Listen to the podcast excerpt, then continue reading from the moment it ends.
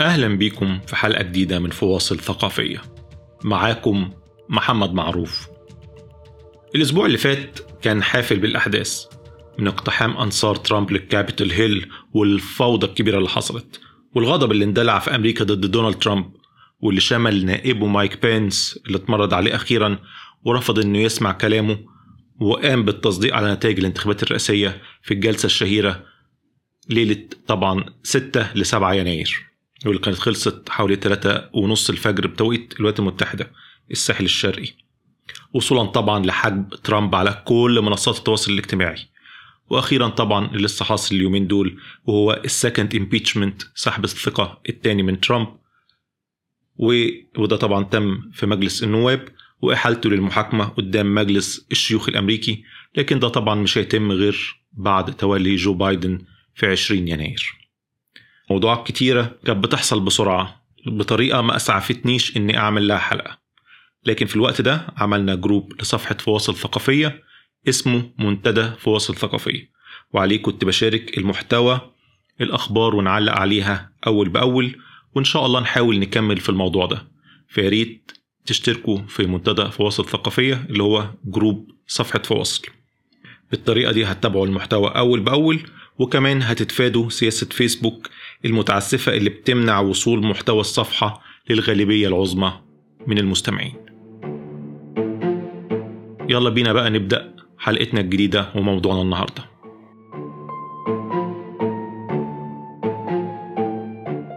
معانا النهاردة موضوع من مجلة النيويوركر العريقة. ونيويوركر غير جريدة نيويورك تايمز.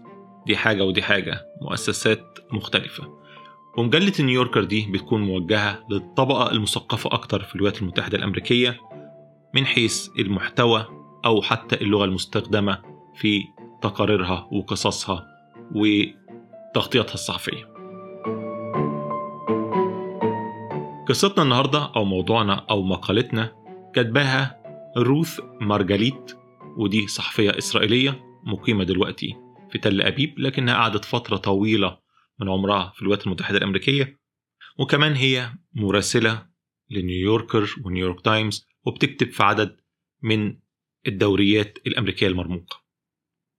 موضوعها النهاردة هو Trump's legacy in Israel أو تراث دونالد ترامب في إسرائيل تراثه الثقافي والحضاري والسياسي طبعا. بتبدأ روث قصتها معانا من حتة خالية جرداء من مرتفعات الجولان حوالي 50 كيلومتر جنوب غرب دمشق. في الحتة دي في صيف 2019 كان في احتفالية كبيرة ولوحة ضخمة لتسمية وإنشاء مدينة جديدة اسمها ترامب هايتس أو مرتفعات ترامب. ودي تم إنشائها كنوع من التكريم والاحتفاء والاعتراف بفضل دونالد ترامب على إسرائيل والإسرائيليين والأهم المستوطنين. ودلوقتي بعد مرور سنة ونص صحيح المدينة ما تمش إنشائها لسه لكن بدأ التخطيط لتوطين المستوطنين الإسرائيليين فيها بداية بعشرين عيلة يهودية استيطانية. طبعا دونالد ترامب ودعمه المكشوف والواضح والغير خجول أو مستتر لإسرائيل صعب إن أي حد ينكره أو يجادل معاه بأي طريقة كانت سواء بقى هو محب لأمريكا أو عدو ليها محب إسرائيل أو متصالح أو متفاهم معاها. مفيش أي حد في العالم يقدر ينكر دعم دونالد ترامب القوي لإسرائيل. صحيح في ناس ممكن تختلف حوالين قيمة الدعم ده. في ناس يقولوا لا يا عم ده الدعم ده من الآخر مجرد دعم معنوي. أو رمزي. وده بتشير ليه فعلا روث في مقالتها. على أساس يعني إن دونالد ترامب ما بعتش قوات تحارب لإسرائيل أو إن الجيش الأمريكي راح مثلا ضرب أعدائها زي ما كان نفسهم مثلا إن هم يضربوا إيران. كل الدعم اللي قدمه دونالد ترامب بالأساس هو دعم معنوي ورمزي. لكن في الحقيقة على ميزان السياسة هو دعم قوي جدا ومهم في توطيد قوة وسيطرة إسرائيل على الساحة الدولية. بداية طبعا بنقل السفارة الأمريكية من تل أبيب للقدس. صحيح القرار ده طالع من الكونجرس الأمريكي في منتصف التسعينات لكن الإدارات الأمريكية المتعاقبة كانت بترفض تنفيذه عشان مصلحة إسرائيل عشان مصلحة الولايات المتحدة في المنطقة. لكن دونالد ترامب كان شجاع كفاية أو جريء كفاية أو وقح كفاية إنه يطبقه على الأرض من غير ما يتواصل مع القادة في المنطقة أو حتى يسمع رأي رجال الدبلوماسية أو رجال الخارجية الأمريكية. خد القرار وزي ما هو بيقول بعد كده في مؤتمر من مؤتمراته واللي حصل حصل ومحدش عارف يعمل حاجة. قصده طبعا على الدول العربية. فطبعا دي كانت من أهم الخطوات اللي خدها دونالد ترامب اللي هي نقل السفارة. لأن ده على أرض الواقع خلاص دمر كل أحلام الفلسطينيين في إقامة دولة ليهم تكون عاصمتها القدس الشرقية. عشان دونالد ترامب اعترف بالقدس كعاصمة وحيدة لدولة إسرائيل. مش كده بس؟ دونالد ترامب كمان انسحب بالولايات المتحدة من الاتفاقية النووية الإيرانية. صحيح في ناس كتير مختلفين يقول لك الخطوة دي عمرها ما هتنفع إسرائيل على المدى البعيد. كان الأحسن له بدل ما ينسحب من الاتفاقية إنه كمان يضرب إيران ويخلص إسرائيل من خطرها النووي إن هو يضرب المنشآت النووية الإيرانية. لكن ترامب الحقيقة مش مجرد انسحب بس من الاتفاقية بل ويشدد كمان العقوبات على إيران. وبالفعل كان عنده استعداد إنه هو يدخل في حرب قدام إيران لكن الظروف الدولية ما كانتش بت إيه بتخدمه بما فيه الكفاية. حتى ردود أفعال إيران على تحديات واستفزازات إسرائيل وأمريكا ما كانتش قوية كفاية عشان تبرر لترامب إنه هو فعلا يقوم بضربه عسكرية تجاهها مش كده وبس كمان إدارة ترامب خصوصا في السنة الأخيرة من عمرها بدأت تعمل تحركات دبلوماسية قوية سواء بالترغيب أو الترهيب وقدرت تقنع الدول العربية كتير إنها تطبع العلاقات مع إسرائيل بداية من الإمارات والبحرين وصولا للسودان والمغرب وممكن الحركة دي لو كان في عمر إدارة ترامب المزيد كان زمانها امتدت لدول عربية أكتر. فكل الجهود دي اللي قامت بيها إدارة ترامب الإسرائيليين معترفين بيها والعالم كله شايفها. وإسرائيل قصاد كده حبها وانحيازها لدونالد ترامب بيعدي كل الحدود. ولعل أبرز دليل على كده استطلاع للرأي تم ما بين الإسرائيليين قبل انتخابات نوفمبر 2020 الرئاسية وفيها 63% من الإسرائيليين كانوا بيدعموا دونالد ترامب في حين 17% بس كانوا بيدعموا جو بايدن. يعني لو إسرائيل كانت ولاية من الولايات الأمريكية كان زمانها أكبر ولاية صوتت لدونالد ترامب عشان الراجل ما حصلش على النسبة دي من التأييد في أي من الولايات الأمريكية.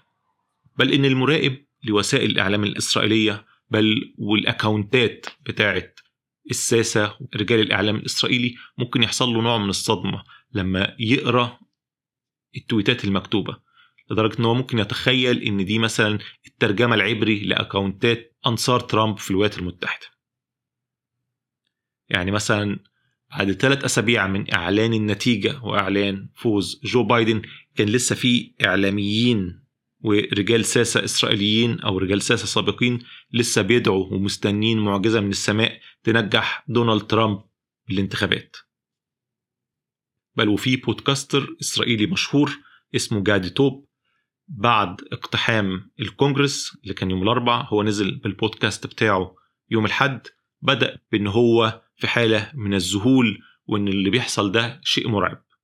طبعا قبل ما تقولوا إن هو بيقول شيء مرعب اقتحام الكونجرس لا هو بيقول شيء مرعب حجب دونالد ترامب من على منصة تويتر إن ده شيء بشع وإن كده أمريكا تحولت ولا كأنها مثلا تحت حكم الاستالينية في الاتحاد السوفيتي ذات نفسه وإن ده قمع آه، للحريات والحرية التعبير. ففي نوع كبير جدا من الدعم لدونالد ترامب واللي طبعا أبرزه بتقوم بيه جريدة إسرائيل هيوم أو إسرائيل اليوم. ودي تم انشائها في 2007 واللي مولها واللي وراها كان شيلدن أدلسون اللي هو الملياردير الأمريكي الصهيوني الشهير اللي لسه متوفي الأسبوع ده واللي يعتبر أكبر متبرع سواء لمشاريع والمستوطنات في إسرائيل أو في الولايات المتحدة الأمريكية للحزب الجمهوري ولدونالد ترامب هو أكتر حد اتبرع له بعشرات الملايين في حملاته الانتخابية سواء في 2016 أو في 2020 بل إن في بعض الناس بيقولوا إن مش المفروض إن إسرائيل هي اللي يكون لها ولاء وشكر لدونالد ترامب بل العكس. دونالد ترامب هو اللي بيدين بالولاء وللشكر لأدلسون من كتر التبرعات اللي قدمها له. بل وإن كل تصرفات دونالد ترامب دي ما هي إلا رد الشكر والفضل لأدلسون عشان هو قدم السبت فهو بيقدم الحد لإسرائيل. ولعل اللي بيتابع السياسة وأخبار السياسة الإسرائيلية على مدار ال 11 سنة اللي فاتت اللي هي فترة حكم بنيامين نتنياهو هيلاحظ فعلا إن الجو العام الإسرائيلي بتاع الناخب الإسرائيلي عمال يروح تدريجيا ناحية اليمين أكتر فأكتر ناحية القومية اليمينية. زيه زي مزاج الناخبين في دول أوروبية كتير سواء في بريطانيا كانت دي طبعا أقل أو حتى في إيطاليا والمجر والبرازيل وبولندا. الأجواء زي أجواء الفاشية اللي كانت موجودة في أوروبا في عشرينات وثلاثينات القرن اللي فات. وطبعا زعيم التوجه ده والحاضنة ليه هو بنيامين نتنياهو نفسه. وزي ما في حركة الترامبية أو الترامبيزم في أمريكا في البيبييزم أو حركة بيبي في إسرائيل. ودي يعني من أهم صفاتها المشتركة مع الترامبية هي احتقار وازدراء صفوة المجتمع والأغنياء اللي بيتقال عليهم إن هم بيدوروا على مصالحهم وبرضه السخرية واحتقار المثقفين واللي بيدوروا على حقوق الإنسان واحتواء الآخر. هما بيحبوا أكتر الخطاب الوطني القومي اللي بيبرر وجودهم وبيبرر تصرفات الدولة تجاه الفلسطينيين أو العرب أو ما شابه ذلك. وده طبعا بنشوفه في كتير من الخطاب العنصري اللي بيطلع من شخصيات أو مؤسسات إسرائيلية مفروض إن هي تكون أكثر رشادة من إن يطلع منها تعبيرات عنصرية تتمسك عليهم. بل لدرجة إن واحدة من أكبر منظمات حقوق الإنسان في إسرائيل طلعت وقالت لسه الأسبوع ده حتى إن إسرائيل بالفعل بتعيش أجواء عنصرية كبيرة تساوي بالظبط الأبرتايد بتاع جنوب أفريقيا أي إن إسرائيل دولة فصل عنصري بيتم فيها اضطهاد مواطنيها اللي من العرب. مش هنقول الفلسطينيين بل الإسرائيليين اللي أصلهم عرب. يعني فلسطينيين خدوا الجنسية الإسرائيلية ما بيتمش معاملتهم بنفس الحقوق وبنفس الطريقة اللي بيتعامل بيها المواطن الإسرائيلي اللي طبعا أصوله يهودية. وده طبعا شيء مش غريب لأن نتنياهو ذات نفسه وحزبه أعلنوا يهودية الدولة بكل صراحة وفجاجة. إسرائيل دولة اليهود. معمولة لليهود. فإن يبقى في تصرف للمواطنين بناء على هذا المفهوم هيكون شيء مش مستغرب ولا غ... ولا مستبعد ومتفهم جدا. وطبعا يؤدي في الآخر لدولة فصل عنصري. إن في مواطن أو شخص أو بني آدم أعلى من المواطن التاني لأن دي دولته أما التاني فهو دخيل وغريب.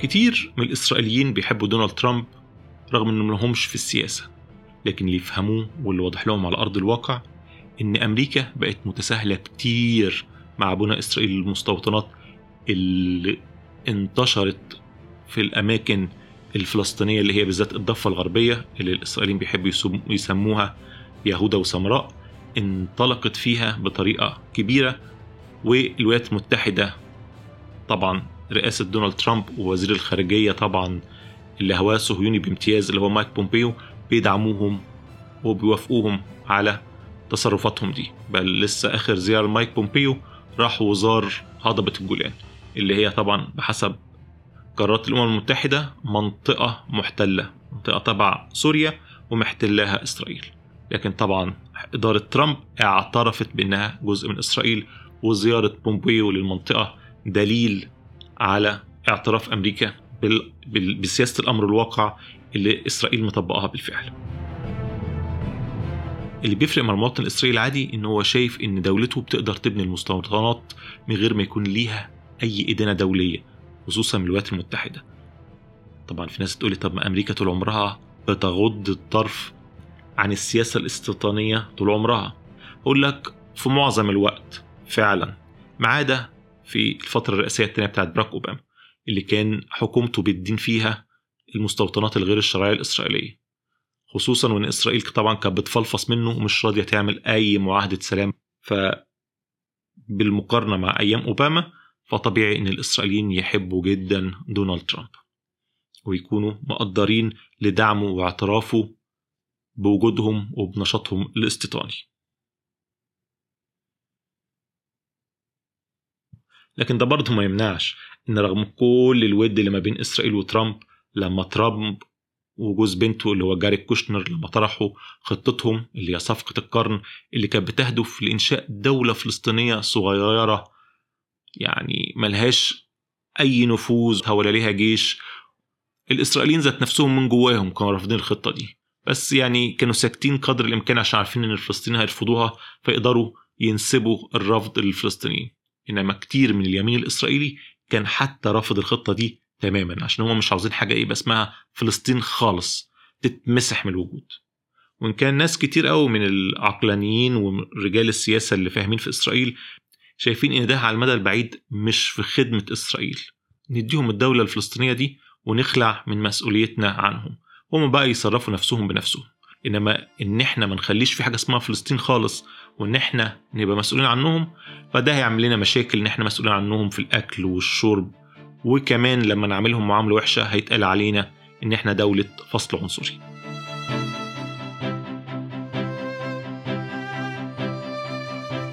بعد كده الكاتبة بتاخدنا الموضوع بقى مهم وشائك وكتير من المتابعين في العالم العربي ما يعرفوش عنه.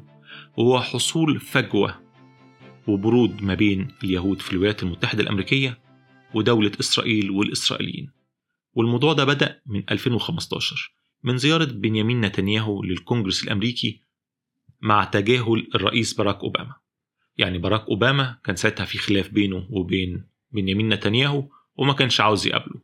راح رئيس مجلس النواب اللي كان تبع الجمهوريين دعا بنيامين نتنياهو للتحدث قدام الكونجرس وساعتها بدأ اليهود الأمريكيين اللي هم تاريخيا انتمائهم بالأساس للحزب الديمقراطي يحصل لهم نوع من البرود والشك في نوايا الإسرائيليين واليهود الأمريكيين الأرثوذكس اللي هو أنتوا فعلا ولاءكم لإسرائيل مش لأمريكا في حين إن إحنا ناس ولاءنا أكتر للحزب الديمقراطي. وللقيم اللي بيقف لها الحزب الديمقراطي اللي هي قيم ليبرالية بالأساس. على عكس القيم اللي بيعتنقها الحزب الجمهوري واللي طبعا في عصر دونالد ترامب انضم له ناس كتير ليهم آراء يمينية متطرفة ومعادية للسامية كمان.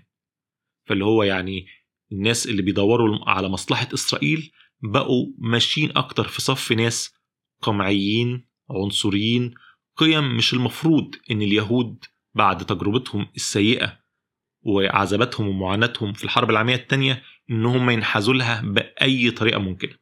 يعني ما ينفعش ناس دايما ماشيين وشايلين على كتفهم مأساة الهولوكوست يقفوا مع ناس قيمهم معادية للإنسانية ده غير طبعا معادية للسامية ذات نفسها.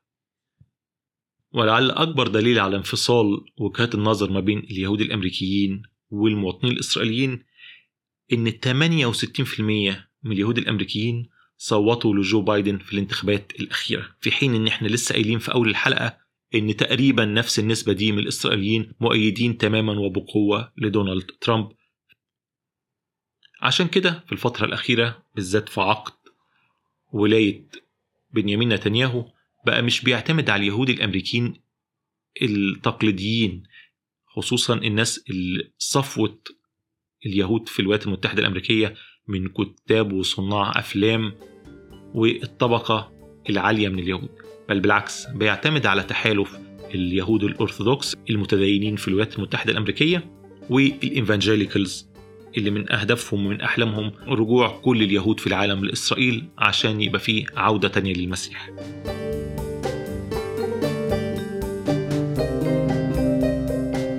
طب بقى بالنسبة للمستقبل بالنسبة لجو بايدن يا ترى إسرائيل والإسرائيليين شايفين ومتوقعين إيه لرئاسته؟ هو مش الراجل ده كان النائب بتاع باراك أوباما؟ هل هيعاملهم ببرود زي باراك أوباما؟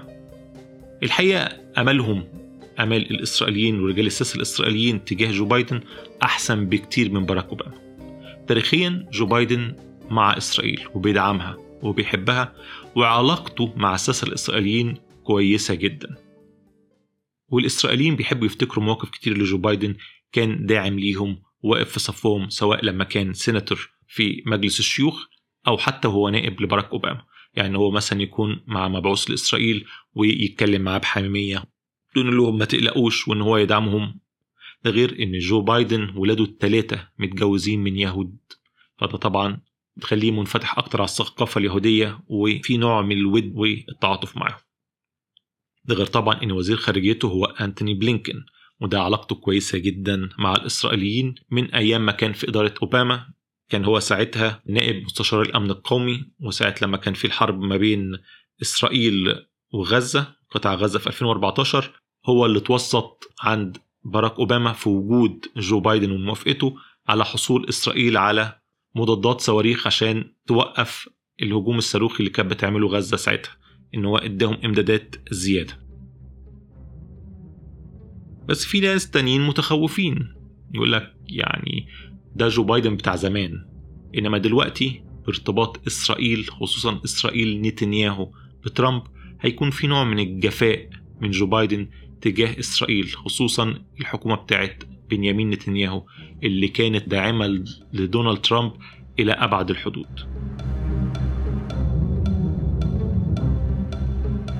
ده كل اللي عندي النهارده. يا ريت تدخلوا وتشتركوا في منتدى فواصل ثقافية تقدروا تحطوا فيها أسئلتكم عن الحلقة أو اقتراحاتكم للحلقات الجاية والأهم لو عندكم أي مواضيع مهمة تحبوا تشاركوها سواء أفكاركم أو محتوى تكونوا شايفين إن هو يستحق المشاركة شكرا وأشوفكم على خير الحلقة الجاية. مع السلامة.